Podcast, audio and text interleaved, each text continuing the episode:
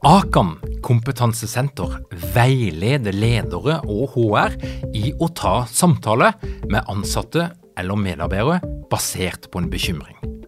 Akan setter ledere og medarbeidere i stand til å forebygge og håndtere en problematisk bruk av alkohol, narkotika, legemidler, spill eller doping blant ansatte. Ønsker du å lære mer om god forebygging og gjennomføring av samtale med en som du er bekymra for? Da kan du nå få tilgang på Akan sitt digitale samtalekurs til spesialpris, kun 760 kroner. Målet med kurset er å gjøre deg tryggere i det som kan være en krevende, men viktig samtale å ta i lederrollen. Du får tilgang til kurset med å gå til samtalekurs.no, samtalekurs.no, og bruke kampanjekoden LEDERPODDEN. Tilbudet gjelder ut april.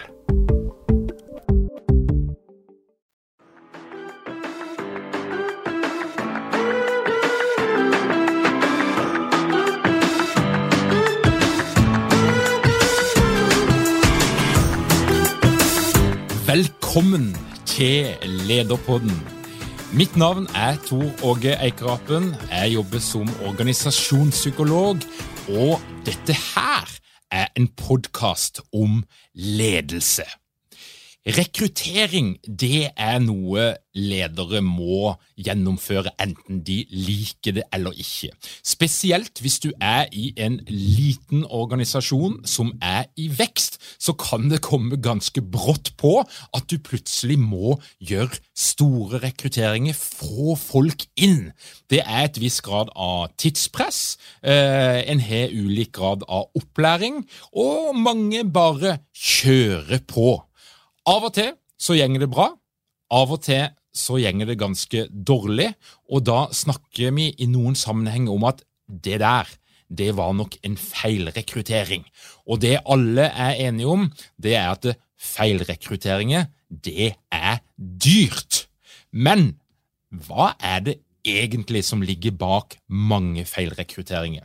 Frode Haaland, du er førsteamanuensis ved Høgskolen i Østfold, og du har et faglig engasjement for rekruttering og det som skjer etterpå. Frode, velkommen til Lederpodden. Tusen takk skal du ha. Alltid en glede å være til stede. Og nå kan jeg da få attpåtil se og høre meg selv på Lederpodden. Til nå har jeg bare hørt på andre kjempespennende podkaster. Tusen takk, Frode du har et engasjement, en drive uh, og en, en pasjonert uh, faglig, faglig, engasjement for rekruttering, prosessen, det som skjer før og det som skjer etterpå. Fortell litt. Hvorfor er du så engasjert i dette temaet? Som eh, alle andre så har jeg eh, opplevd eh, dårlige arbeidstakere, altså kolleger og folk jeg har observert, og jeg har også opplevd dårlige ledere. Så jeg har lurt på hvordan i all verden har det blitt slik? Er det denne personen det er noe galt med, eller er det noe annet? Og det er altså ikke spesielt overraskende at det alltid handler om person i situasjon. Det er aldri bare person, det er aldri bare situasjon, det er person i situasjon. For Vanligvis så tenker vi at det, hvis noen ikke virker, hvis noen oppfører seg litt rart eller er ganske dysfunksjonelle, så tenker vi ja, hvorfor, hvorfor, er den personen sånn, og hvorfor valgte vi feil? Hva var det en ikke så? Eh, hvilke metoder var det vi brukte eh, som ikke avdekka problemet? Hvilke metoder bør vi bruke neste gang? Og, eh, kanskje til og med hvorfor gjorde vi ingenting allerede i prøveperioden? Så Det er liksom den personsida av det. På den andre sida er det sånn ja, hva, er sitt, hva, slags situasjon er dette her? Hvorfor tiltrakk vi oss feil uh, søkere? Hvorfor i all verden tiltrakk vi oss en som, som viste seg å være dysfunksjonell? Eller er det sånn, altså, lot vi den ansatte slippe til? Hjalp vi denne å bli god? Eh, eller spilte vi faktisk den nye ansatte dårlig? Sånn at det, det, var oss det egentlig var noe galt med, og så er det bare en, en annen som får skylda. Eller hadde vi kanskje for høye forventninger? Altså, hadde vi en sånn idealisert forestilling om hva, hva folk kan, kan, eh, få til? Eller gjorde vi noe i ansettelsesprosessen som ødela engasjementet, ødela interessen, Visste denne søkeren hva han eller hun gikk til? Eller var det et oversalg som da skuffa folk? Det er sånne ting som jeg tenker på. Her ligger det veldig mye. Ja, så, så liksom, Denne frustrasjonen og den opplevelsen av ting som ikke virker, det er kanskje noe av kjernen i det som, eh, som uh, vekker min motivasjon. Og så er det det som jeg tykker er litt gøy, det er at du, eh, du sitter med noen, noen, litt sånn krevende spørsmål til åssen vi ansetter mennesker. Og en problemstilling som du har belyst, det er det prediktive perspektivet, og i hvilken grad det er et riktig perspektiv. Fortell, Frode. Altså, eh, Det prediktive perspektivet det er liksom det dominerende måte å tenke ansettelser på. Altså at vi skal eh, det, Verden er sett liksom fra arbeidsgiverståstedet. Arbeidsgiver skal velge blant uh, søkerne. Arbeidsgiver må vurdere ulike kvaliteter ved, ved søkerne og liksom prøve å predikere eller forutsi hvilken av disse kandidatene er det som vil uh, prestere best. Det er liksom kjernen i det prediktive perspektivet. Og da blir jeg ganske frustrert, for når ble det forskningens rolle å ivareta arbeidsgivers interesser alene? Jeg mener, Skal vi ikke òg hjelpe jobbsøkerne å, å, få gode jobber for seg? Så eh, Jeg har blitt sånn frustrert av en ganske enspora og ensidig interesse for å hjelpe den sterke parten i, eh, i ansettelsesprosesser. Og forskernes rolle 95% av alt som noensinne er skrevet om ansettelser, det er skrevet fra arbeidsgivers ståsted. Og det blir sånn, Jeg bruker igjen dette bildet Eh, hvordan hadde det vært hvis en, en parterapeut sier at nei, her så ser vi det kun fra mannens eller kvinnens ståsted. Men det er direkte useriøst. Men det er altså kjempedyktige kolleger som bare tenker at ja, hvordan skulle det være annerledes hvis vi skulle se det fra begge parters ståsted? Eh, eh, for meg er det helt sånn det, det er selvinnlysende at vi må tenke annerledes, mer rikholdig. Vi må tenke at vi aldri skal se det bare fra den ene part. Vi skal aldri bare hjelpe den andre part. Vi skal se det samspillet mellom disse interessene. Det er liksom det er arbeidssøkere som vil ha seg en god, spennende jobb sammen med gode kollegaer under gode ledere, eh, lære noe, utvikle seg, skape seg et nytt liv. Det er den ene siden av saken. Og så er det arbeidsgivers interesse for å produsere og, og, og få til de, nå de målene som man skal. Og Ansettelse handler om dette møtet mellom disse to ulike interessene. og Det er de vi må forsøke å, å, å forene. Det er, er, kjernen i mitt, mitt, engasjement i forhold til å plukke løs dette prediktive perspektivet og se det litt mer rikholdig. Men, men, hva er det som er problemet da med det prediktive perspektivet? Hva er Det eh, Det sitter ledere rundt forbi som hopper inn i rekruttering. De har kanskje lite trening, kanskje lite opplæring. Vi, vi gjør det sånn som vi tror det skal gjøres. Og litt av hovedhypotesen det er jo at eh, vi skal prøve å forutse hvordan en person vil fungere inn i framtida, og så gjør vi det vi tenker vi skal gjøre for å finne noe ut om det. Det kan være et intervju, det kan være teste, det kan være referanse, men jeg ser jo at veldig mange følger noen tradisjonelle spor på hvordan dette her skal foregå. Men hva er problemet med det? Det, altså, er, jeg tror det, det, det, det kortsiktige og det ensidige, det ensporet, det er problemet. Altså, det er ikke noe galt i for at eh, Arbeidsgiver må jo prøve å tenke hvem er best av disse kandidatene. Eh, selvsagt. En må prøve å bruke gode metoder, sånn at vi, vi treffer i, i, våre vurderinger. Eh, men når du kun tenker den tanken, og ikke òg tenker eh, hva er det arbeidssøkerne ønsker seg, så skaper vi noen sånn systematiske, systematiske, problemer. Da får du en sånn en, at en arbeidsgiver når arbeidsgiver kun handler ut fra egne interesser og eget perspektiv, så får du sånne ting som opplever f.eks. at eh, søkerne eh, ikke får svar på sine, sø sine, søknader. Hvorfor det? Jo, for arbeidsgiver har ikke tid til å svare, for de har for mange å forholde seg til. Det er klart, det er et helt praktisk problem for arbeidsgiver å, å håndtere alle disse søk søknadene og, og søkerne. Eh, eh men eh, hvis en forstår eh, jobbsøkerne sin posisjon, så vil en da kunne også håndtere dette bedre og si ok, hvis vi har altfor mange søkere, så har vi kanskje vært litt for diffuse i hva vi vil ha tak i. Og Da får vi for mange søkere. Mener, Folk skryter å, vi hadde 100 søkere. tenker jeg, Har du ikke gjort jobben din med rekruttering? Du burde ha fått tak i maks 20, kanskje bare 10. Eh, så, så, hvis vi tenker i litt andre baner, så kan vi klare å, å håndtere dette bedre. Fordi det arbeidsgiveren gjør, har alltid konsekvenser for kandidatene. På samme måte som det kandidatene gjør, har konsekvenser for arbeidsgiver. Dette er et samspill. Så hvis vi tenker denne gjensidigheten, eh, så, så, kan vi håndtere det bedre. Når en ikke tenker eh, den andre part, så får du sånn at eh, jobben blir mindre attraktiv. Fordi det arbeidsgiver gjør, gjør en ut ifra sine interesser, og ikke ut ifra hva er jobbsøkernes interesse. En tar seg ikke bruke uønska metoder. En kan alltids diskutere hva er det som er en god metode, men noen opplever evnetester som invaderende. Noen opplever altså integritetstester som, eh, som eh, in, personlig invaderende på det personlige rom. Eh, lærere liker ikke arbeidsprøver, som jeg tenker sånn, wow, det var da veldig rart. Alle andre liker veldig godt arbeidsprøver. Men altså, vi må tenke ikke bare prediktiv validitet, en sosial validitet. Hva er det folk syns er akseptabelt? Og, og eh, Hvis vi tenker at dette er et samspill, så må det være sånn hvis vi må bruke som arbeidsgiver for å ivareta våre interesser, må bruke metoder som jobbsøkerne ikke liker, da må vi begrunne det, og må vi begrunne det ganske godt.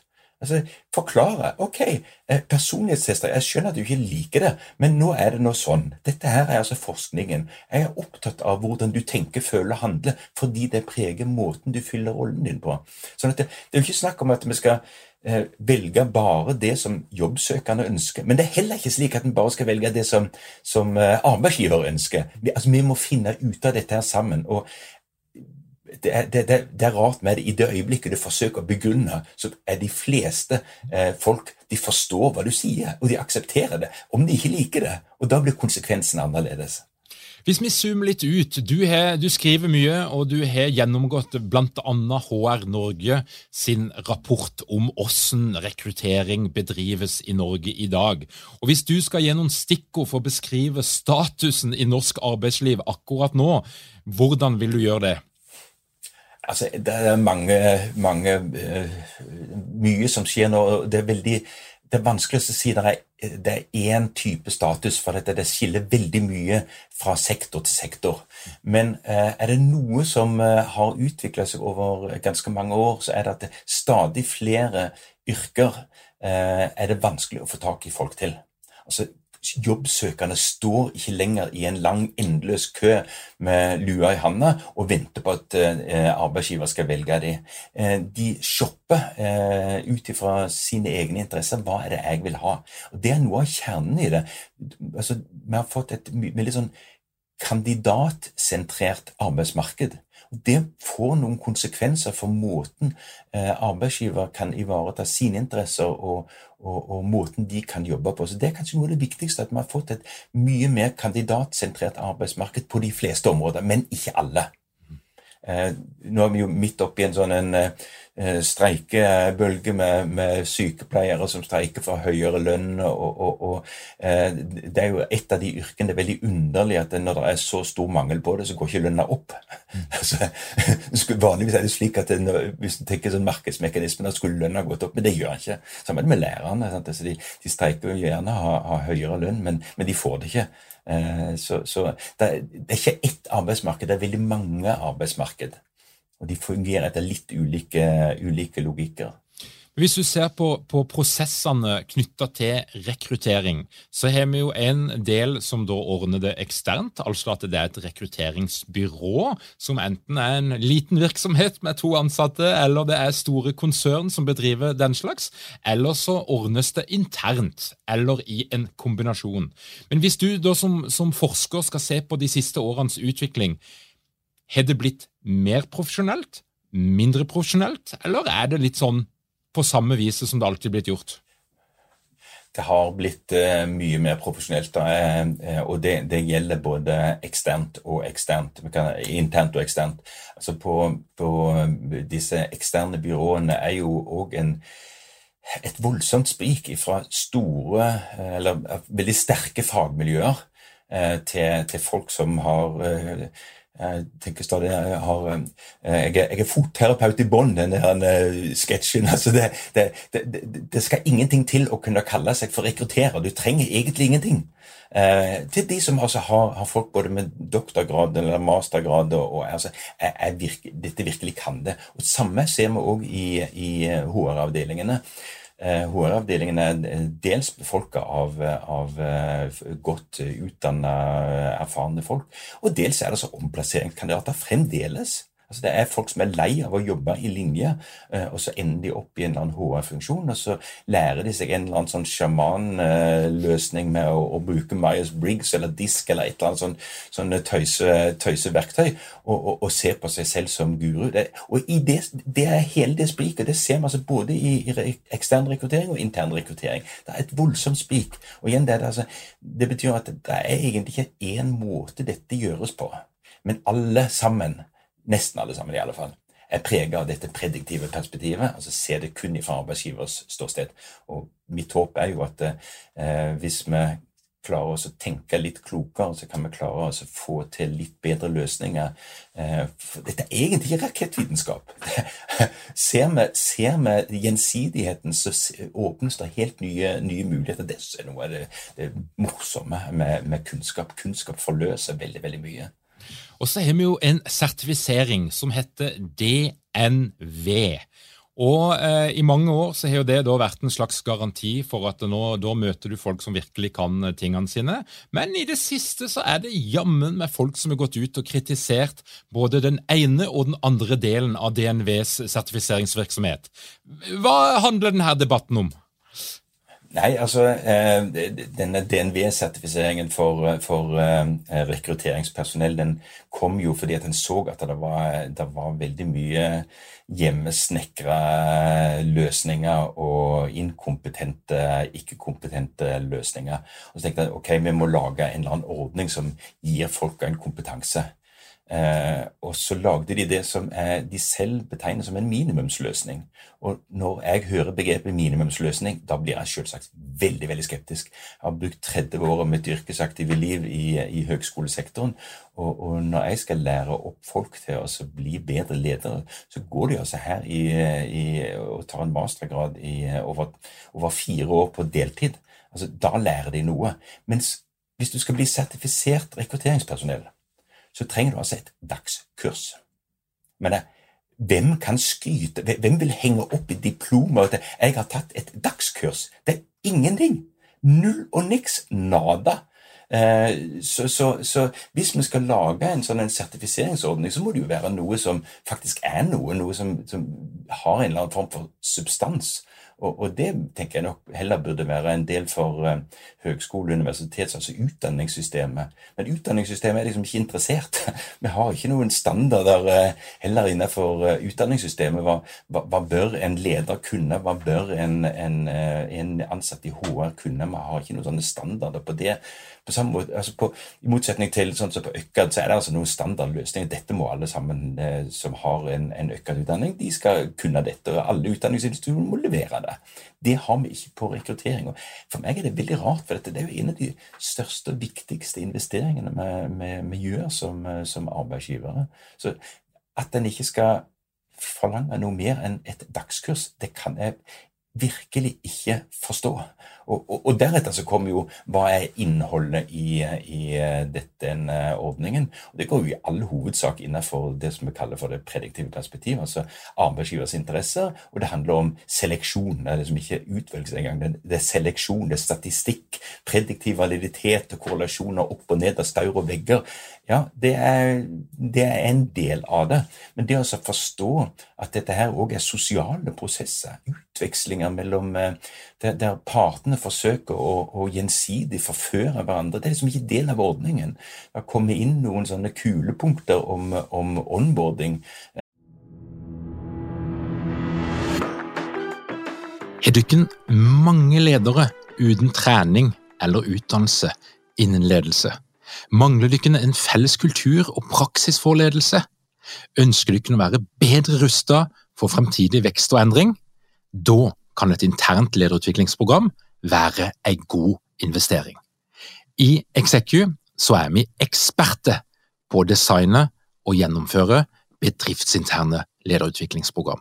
Hvis du ønsker å lære mer om hvordan vi kan hjelpe dykken til å få enda bedre ledere, ta og klikk deg inn på execu.no.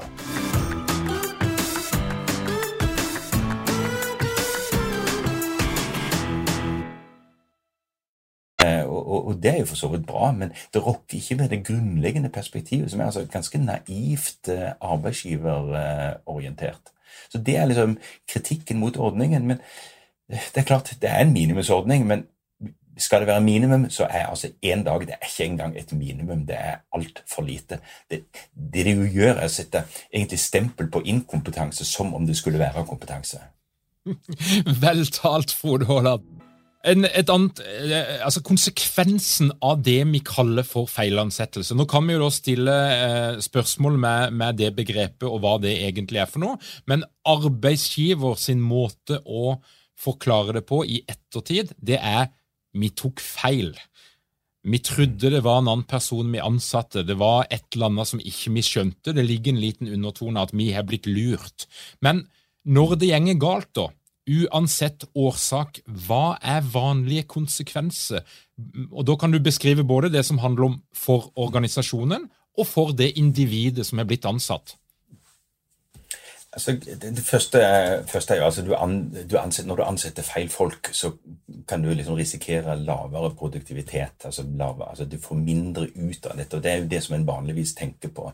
Og, og det er helt klart det er, det er, grunnleggende viktig. Når du ansetter, så er det jo nettopp fordi at du skal få til et eller annet. Noen skal skape noe, så får du inn en som da ikke klarer å skape det det som en vanligvis tenker på, det er jo eh, det å skape resultater. Altså det oppgaveorienterte. Men det er vanligvis ikke det som er problemet. Problemet er måten folk oppfører seg på. Altså Det handler om personlighet, hvem de er. Eh, eh, så, så, jeg tenker alltid at det er tre ting du må, du må sjekke. Det er oppgave orienterte resultater. altså I hvilken grad kan folk eh, gjøre eh, det de skal gjøre. Det andre er hva er risikoen for, eh, for eller 2.2 er folk gode medborgere? Altså er de, er de en god medarbeider som er lojal, innordner seg, er lærevillig osv.? Og, så og det styres av helt andre ting enn evnen til å gjøre jobben. Og Det tredje er da risikoen for, eh, for eh, kontraproduktivitet, eh, kontraproduktiv atferd. Det er liksom de to siste, kontraproduktivitet og medborgerskap. Det er der problemene oppstår, ikke at folk produserer litt mindre enn du hadde håpet eller trodd. Så Konsekvensene er jo da at du kan ødelegge et arbeidsmiljø. Derfor òg ledere sier at eh, denne personen er jeg usikker på. Derfor så velger jeg han ikke. Det handler ikke om, at, om, om, om å vite, men jeg, min usikkerhet gjør at jeg ikke tør. Det handler nettopp om at jeg kan ikke, jeg kan ikke eh, forutsi alt, og eh, derfor så, så holder du deg på den sikre sida. Så du kan altså ansette svakere folk, uh, svakere kandidater, folk som, som, fungerer dårlig. Men det har òg noen andre konsekvenser. Det, vi, vi, får inn folk som er lik oss sjøl eh, og, og, liksom reproduserer oss sjøl, eh, og unngår noen som er annerledes, eller utfordrer, utfordrer oss. Det, vi har behov for folk som tenker annerledes. Folk, diversitet, det er en grunn til at diversitet er, er blitt et så viktig område. Eh, når vi når vi velger feil, så handler det jo òg om at eh, vi har eh, valgt etter noen kriterier som er litt sånn underlige. Av en eller annen grunn så får vi altså en veldig ofte opp, spesielt på ledernivå, med folk som er ekstraverte, de er halvgamle, de er hvite, og de er menn. Altså, Kvinnene blir holdt utenom. De unge og de gamle eldre er jo av, de eldre etter hvert. De, de, de får du ikke tak i. De vil, vil, ikke bli ansatt, for de, de, passer ikke med våre forestillinger om hvem som er, er gode. Så konsekvensene av dårlig utvelgelse, dårlige ansettelser, kan bre seg på veldig mange områder. Mm. Og En kan vel også se for seg at den som blir da såkalt feilansatt, men som kanskje er offer for en dårlig prosess, òg kan ende opp med lavere selvtillit, sykmelding i noen uh, eksempler, og at den, at den, kan bli rett og slett satt litt ut av arbeidslivet. i de aller verste tilfellene? Ja, det, det, er, det er, den andre sida. Og, og er, her, her, ligger det altså en del sånne Det ligger noe lik i grøftene etter, etter sånne, sånne, prosesser. Altså det, konflikter mobb, Mobbing finnes jo òg på, på, arbeidsplassene. Og det handler ofte om at det, er noen som anser den nyansatte som, som at det er noe galt med vedkommende. Så det skjer noe, noe med, med folk og, og, og folk, eh, folk, slutter på, i en jobb de har eh, gleda seg til å få.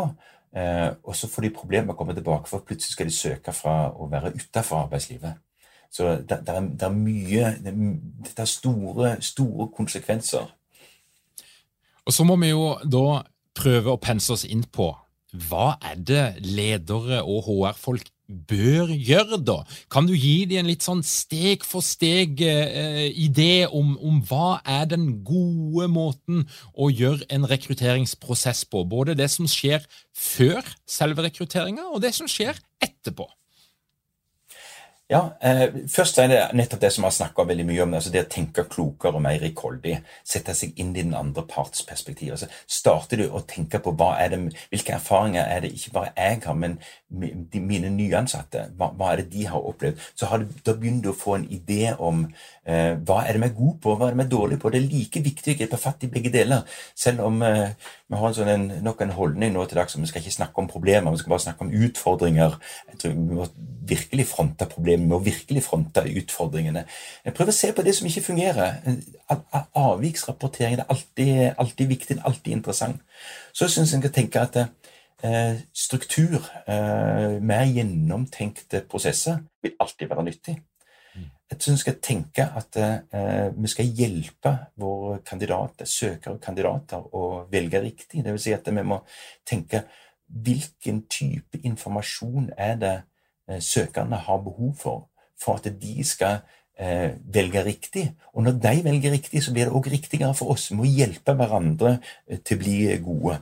Så når vi skal Uansett hvilken metode vi bruker, så må vi altså tenke på hvilken måte vil dette hjelpe hele prosessen, ikke bare meg som arbeidsgiver. Og da kan du tenke, start, Hvis vi bare ser det fra arbeidsgiver sitt ståsted, så handler det eh, første fase handler om å erkjenne at vi har et eh, behov. Analysere hva slags folk er det egentlig vi trenger. Det blir lett å si at ja, vi ønsker oss den ene og vi ønsker oss den andre. Vi skal ha det nye Tor Åge, men Tor Åge har slutta. Det er en annen som skal inn, og da kan det være en annen type kompetanse vi trenger. Det er veldig fort gjort å bare liksom, lage en blåkopi av, eh, av forgjengeren. Så være mer bevisst på hva er det vi egentlig trenger, ikke bare hva vi har lyst på. Så kommer vi til rekrutteringen, som er neste fase.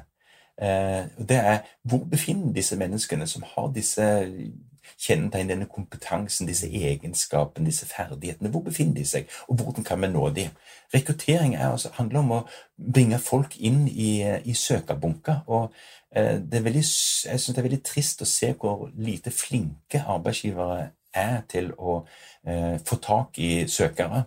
Eh, de, de, den vanligste stillingsannonsen på, på Finn den inneholder denne kofferten til, til Finn. Eh, det er logoen som skal tiltrekke folks oppmerksomhet. Det er ingen som kommer til å klikke på den hvis de er i en jobb de trives i. Men hvis det er et bilde og en tekst som er appellerende, og som folk føler snakker til seg, så Oi, dette må jeg se nærmere på. Så Selve rekrutteringen er òg en utfordring som en må jobbe med. Så kommer du til selve måten du eh, vurdere og velge mellom folk. Og det er det som stort sett alle bøker snakker om. Altså, når en snakker om ansettelser, så er det utvelgelsesdelen. Eh, en snakker ikke om rekruttering, en snakker veldig lite om arbeids- og rolleanalysen.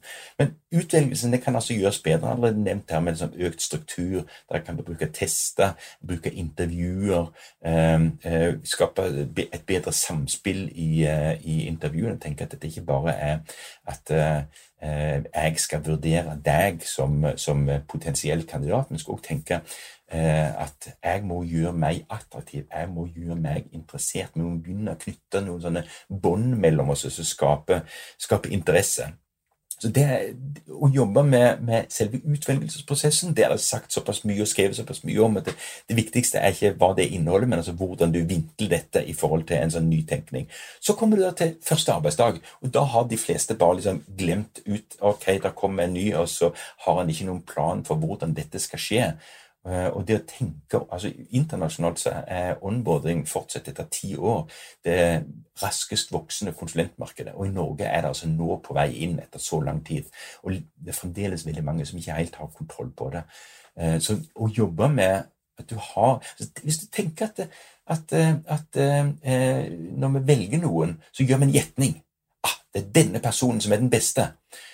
Og hvis du vet at du har gjetta, så blir neste spørsmål hvordan kan jeg sjekke ut om den gjettingen var god?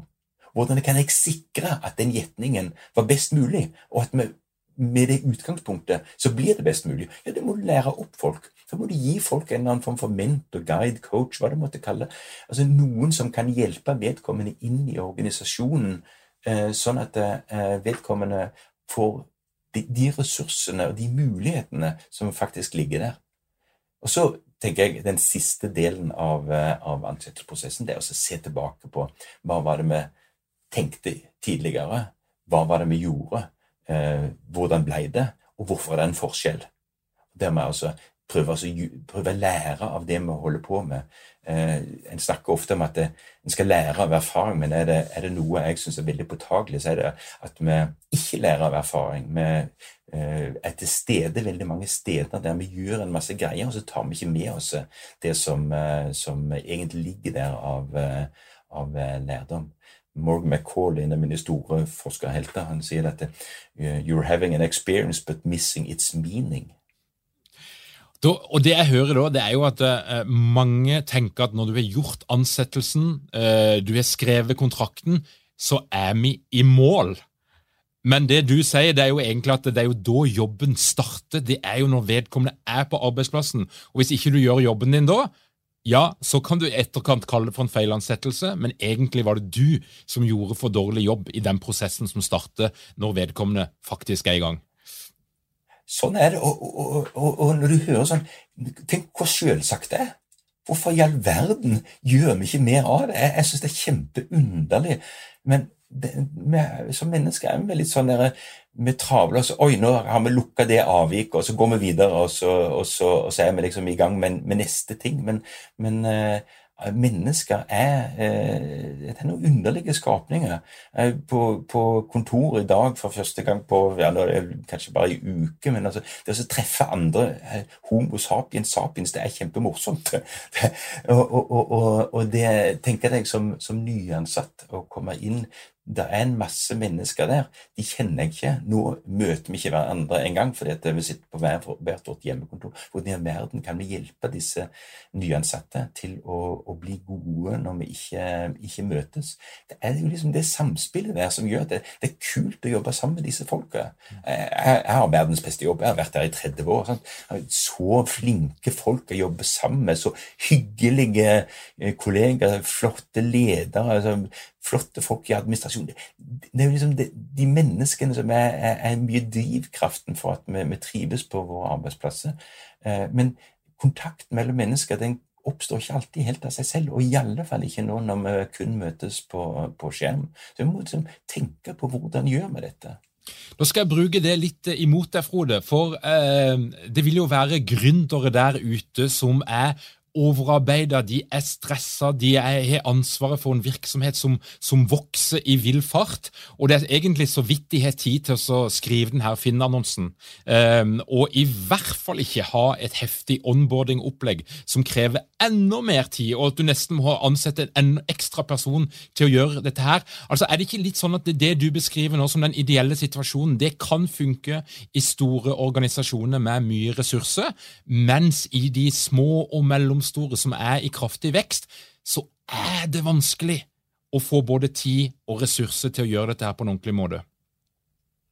Det er helt åpenbart at eh, store arbeidsgivere har eh, mye mer ressurser og, og større, mye større muligheter. Det er derfor òg jo større organisasjonen er, jo bedre og mer profesjonelle er de både i eh, rekruttering, i utvelgelse og i onboardingen. Altså det, så, sånn er det bare. Men en må heller ikke glemme hvilke styrker er det du har som, eh, som gründer eller i et lite selskap. For er det noe som lærer folk uh, å bli del av en organisasjon, så er det å bli del av et team. Altså, og Den viktigste eh, måten å lære på, det er jo altså at du jobber sammen med kolleger som, som, har et sideblikk på at du er ny, og, og, og hjelper deg å bli god. Og, og sånn at eh, Onboarding er jo liksom ikke noe som skjer at du drar folk ut fra jobben, og så setter du i et rom og så skal de sitte der i et par uker eh, og, lære et eller annet. Eh, det er klart det er noe å lære om historie og struktur, og sånne ting, men det mesteparten det kan du faktisk lese deg til. Det er ikke noe, det er ikke snakk om å trekke folk ut fra jobben. Du skal få folk nettopp inn i jobben, inn i teamene, sette i gang med produktivt arbeid, og gjerne i sånne posisjoner der du får eh, naturlig kontakt med andre aktører, altså oppstrøms, nedstrøms i leveransene, eh, med kunder. altså du får nettopp får komme inn i sitt eget rollesett så raskt som overhodet mulig. Det er god onboarding. Det er ikke god onboarding å sette folk i et klasserom eller et sånt fuglefjell-auditorium og høre på noen som holder et eller annet foredrag. Det er egentlig ett fett om det her er noe som blir avlevert eh, analogt, eller om det er noe som blir spilt av på en video. Det er ikke god onboarding uansett. Den viktigste onboardingen den skjer på arbeidsplassen i jobben. Frode, i likhet med eiendomsbransjen, så, så har jo òg de som driver med rekruttering, ofte et nokså grenseløst forhold til floskler. Hva er de verste flosklene som du ser i norske stillingsannonser? Det er jo, Her er det mye. altså å være fremoverlent. Jeg tenker, Det var til og, med, til og med noen skulle ha en fremoverlent taktekker. Er det noe jeg ikke ville ha, så er det en fremoverlent taktekker eller fremoverlent stillasbygger. Jeg vil ha en som står støtt med god sikring. Eh, en, en, eh, en, en pizzaleverandør skulle ha en sulten sjåfør. Jeg mener, Det er jo bare det rene, skjære vås. Er du opptatt av å få tak i gode folk, må du vite hva er det for slags egenskaper, kjennetegn, kompetanser osv. er det som gjør at folk kan fungere og prestere og trives i denne jobben. Så, sulten, kanskje? Jeg vet ikke. jeg, Fremoverlent. Det, det er mange slike, slike, slike floskler. Og det som egentlig òg er en floskel, det er jo en skal ha utadvendte, ekstraverte folk. Det er bare vås. For de fleste av oss er faktisk ikke utadvendte. De fleste av oss er omtrent midt på. Dette er bare normalfordelt. Og det er ingen som vil ha noen introverte raringer, sånn som meg. Eh, selv om eh, introverte presterer bedre i min rolle enn ekstraverte. Tusen takk, Frode Haaland, for at du kom til Lederpodden. Bare hyggelig å være her. Frode har skrevet to eh, bøker. Han har vært med å, å skrive På randen av ledelse sammen med Frode Dale, som da tidligere er behørig omtalt her i Lederpodden. Og han har skrevet boka Å knytte bånd, som kom ut i 2019. Som handler altså om rekruttering og utvelgelse. Så hvis du vil eh, få mer innsikt i Frode sin kunnskap, så anbefaler jeg deg å sjekke ut de her bøkene. Tusen takk for at du hører på Lederpodden. Som du vet, så er det sånn at vi driver med mye rart, og hvis du vil bli gjort oppmerksom når vi finner på en eller annen livestreaming, pop-up, whatever, så gjenger du inn på lederpodden.no. Og jeg minner deg på vårt heldigitale lederutviklingsprogram, Lederprogrammet. Påmeldinga er nå åpen, det er kun 80 plasser, og du finner alt det du trenger å vite på lederprogrammet.no. Tusen takk for at du hører på Lederpodden.